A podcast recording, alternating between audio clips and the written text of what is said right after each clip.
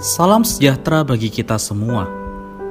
Emana kembali hadir dengan podcast pembahasan firman Tuhan.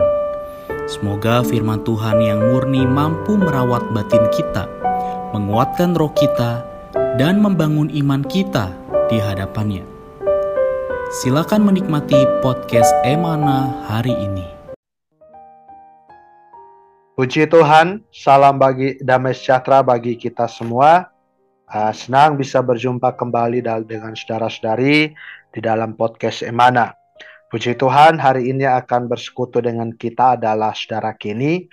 Selamat datang saudara Kenny, selamat bergabung kembali.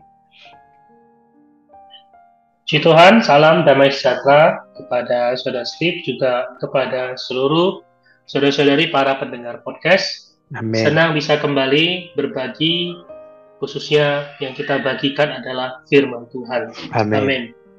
Amin. Terima kasih saudara Kini atas waktunya.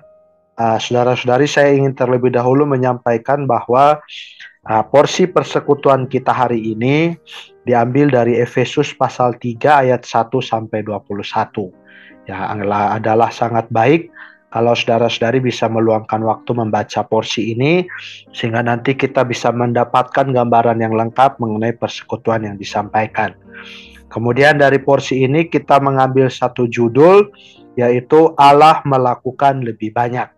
Saya akan membacakan ayat yang menjadi dasar persekutuan kita hari ini yaitu di dalam Efesus pasal 3 ayat 20. Di sana dikatakan bagi dialah yang dapat melakukan jauh lebih banyak daripada yang kita doakan atau pikirkan, seperti yang ternyata dari kuasa yang bekerja di dalam kita. Puji Tuhan, selanjutnya kita persilahkan saudara Kini bisa membantu kita memahami ayat ini dalam konteks uh, topik persekutuan kita hari ini. Silahkan saudara Kini. Amin. Baik, terima kasih untuk saudara Steve. Saudara-saudari, sungguh kita mengucap syukur bahwa oleh karena rahmatnya, hari ini kita masuk ke dalam porsi pembacaan Efesus pasal 3. Di dalam Efesus pasal 3 ini adalah membahas tiga poin besar. Pertama adalah dari ayat 1 sampai 13 membicarakan pelayanan kasih karunia dan wahyu rahasia mengenai gereja. Kemudian kita lihat di dalam ayat 14 sampai 19 ini adalah respon atau doa dari rasul bagi gereja mengenai pengalaman. Jadi setelah kita melihat ada sebuah pelayanan kasih karunia dan wahyu rahasia, maka Rasul Paulus berdoa bagi gereja untuk memiliki pengalaman yang demikian.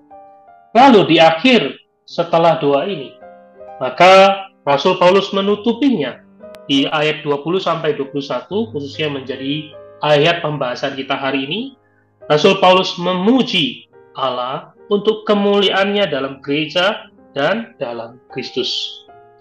Seperti tadi Saudara Steve sudah katakan bahwa judul pembahasan kita hari ini adalah Allah melakukan lebih banyak. Saudara-saudari, sungguh ini adalah satu ayat yang banyak atau populer ya di tengah-tengah orang Kristen tetapi mari kita melihat wahyu yang dibukakan di dalam pasal 3 ini. Di dalam ayat 20 dikatakan bagi dialah yang dapat melakukan lebih banyak daripada apa yang kita doakan dan pikirkan seperti yang ternyata dari kuasa yang bekerja di dalam kita. Ayat ini berkata Allah dapat melakukan jauh lebih banyak ya Tentu ini adalah satu kabar sukacita ya. Banyak orang mendengar ini mereka berkata haleluya Allah dapat melakukan lebih banyak dari apa yang kita doakan dan pikirkan. Nah, tetapi apa yang Allah dapat lakukan di sini ini adalah berkaitan kepada kuasa kebangkit. Kuasa yang bekerja di dalam kita. Ini bukan kuasa penciptaan, yang menghasilkan hal-hal materi dalam lingkungan kita. Banyak orang Kristen berkata Allah mampu ya, melakukan lebih banyak khususnya di masa pandemi ini. Mereka berkata Allah bisa menciptakan yang tidak ada menjadi ada. Tetapi saudara-saudari, ayat ini tidaklah membicarakan konteks yang demikian. Ayat ini khususnya menekankan kuasa kebangkitan Allah mengenai apa? Yaitu menggenapi hal-hal rohani di dalam kita bagi gereja.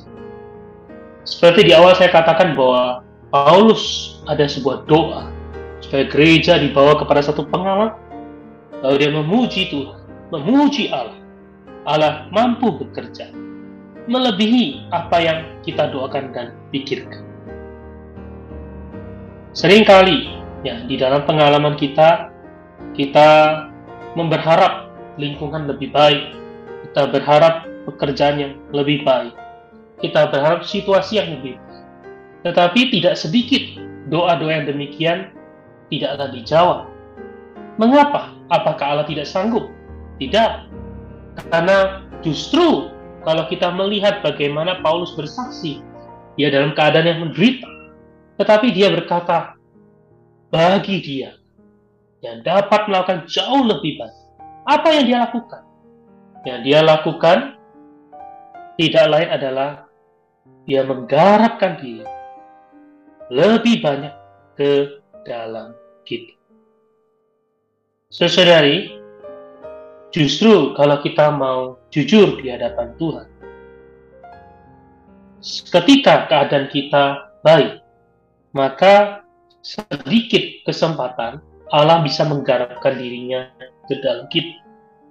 Tetapi ketika keadaan kita dalam keadaan sulit, keadaan yang seakan-akan Allah tidak berbuat apa-apa, kita mungkin berdoa untuk promosi jabatan, tapi Allah malah mengizinkan kita diberhentikan dari pekerjaan kita.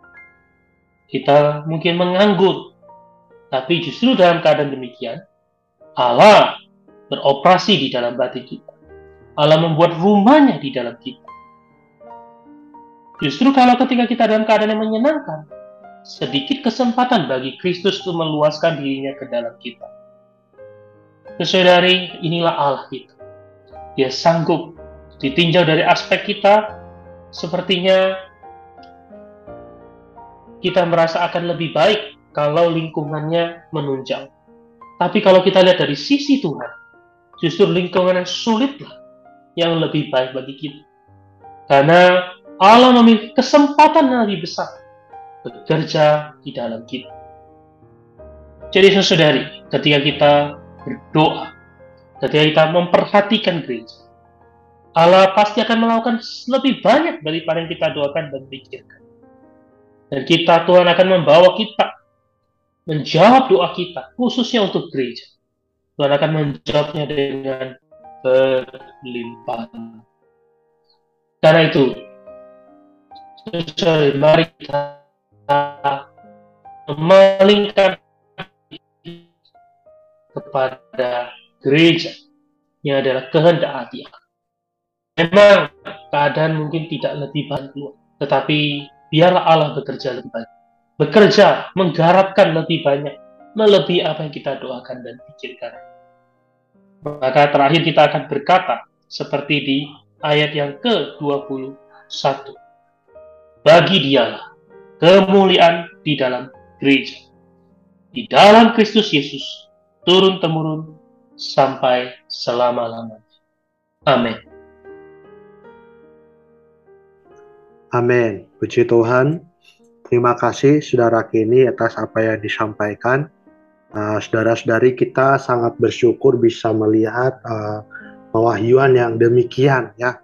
Uh, tadi dikatakan bahwa hal penting yang harus kita perhatikan di dalam pasal 3 ini adalah uh, pengalaman hayat ya atau pengalaman rohani, pengalaman kita terhadap Tuhan bagi gereja.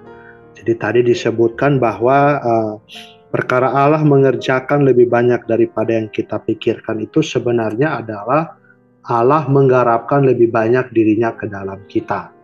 Nah, kemudian hasilnya adalah uh, apa yang Allah garapkan ke dalam kita atau pengalaman kita akan Allah ini adalah bagi gereja. Jadi puji Tuhan saudara-saudari tadi saudara Kenny mengatakan ya kita harus memalingkan hati kita kepada gereja.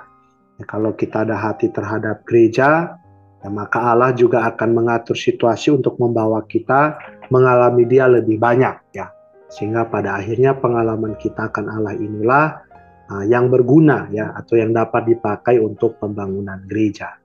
Dipuji Tuhan, semoga firman ini juga boleh kembali menguatkan kita. Situasi apa pun yang kita hadapi hari ini, ini adalah kesempatan Allah menggarapkan dirinya lebih banyak.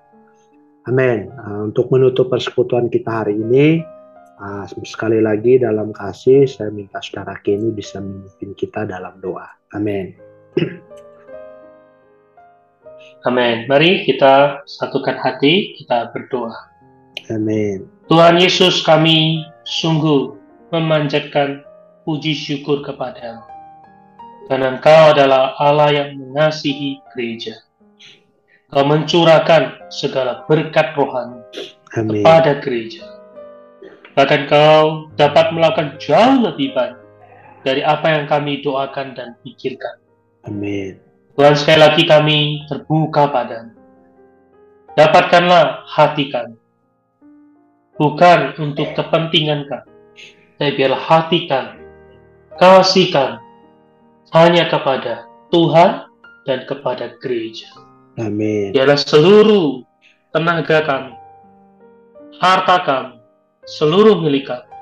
Kami curahkan untuk gereja. Amin. Tuhan, kami juga membuka diri kami. Membiarkan kau menggarapkan dirimu lebih banyak.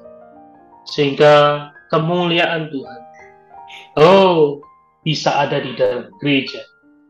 Kemuliaan Tuhan bisa terpancar melalui gereja. Tuhan kami juga berdoa terhadap seluruh saudari yang mendengarkan podcast ini.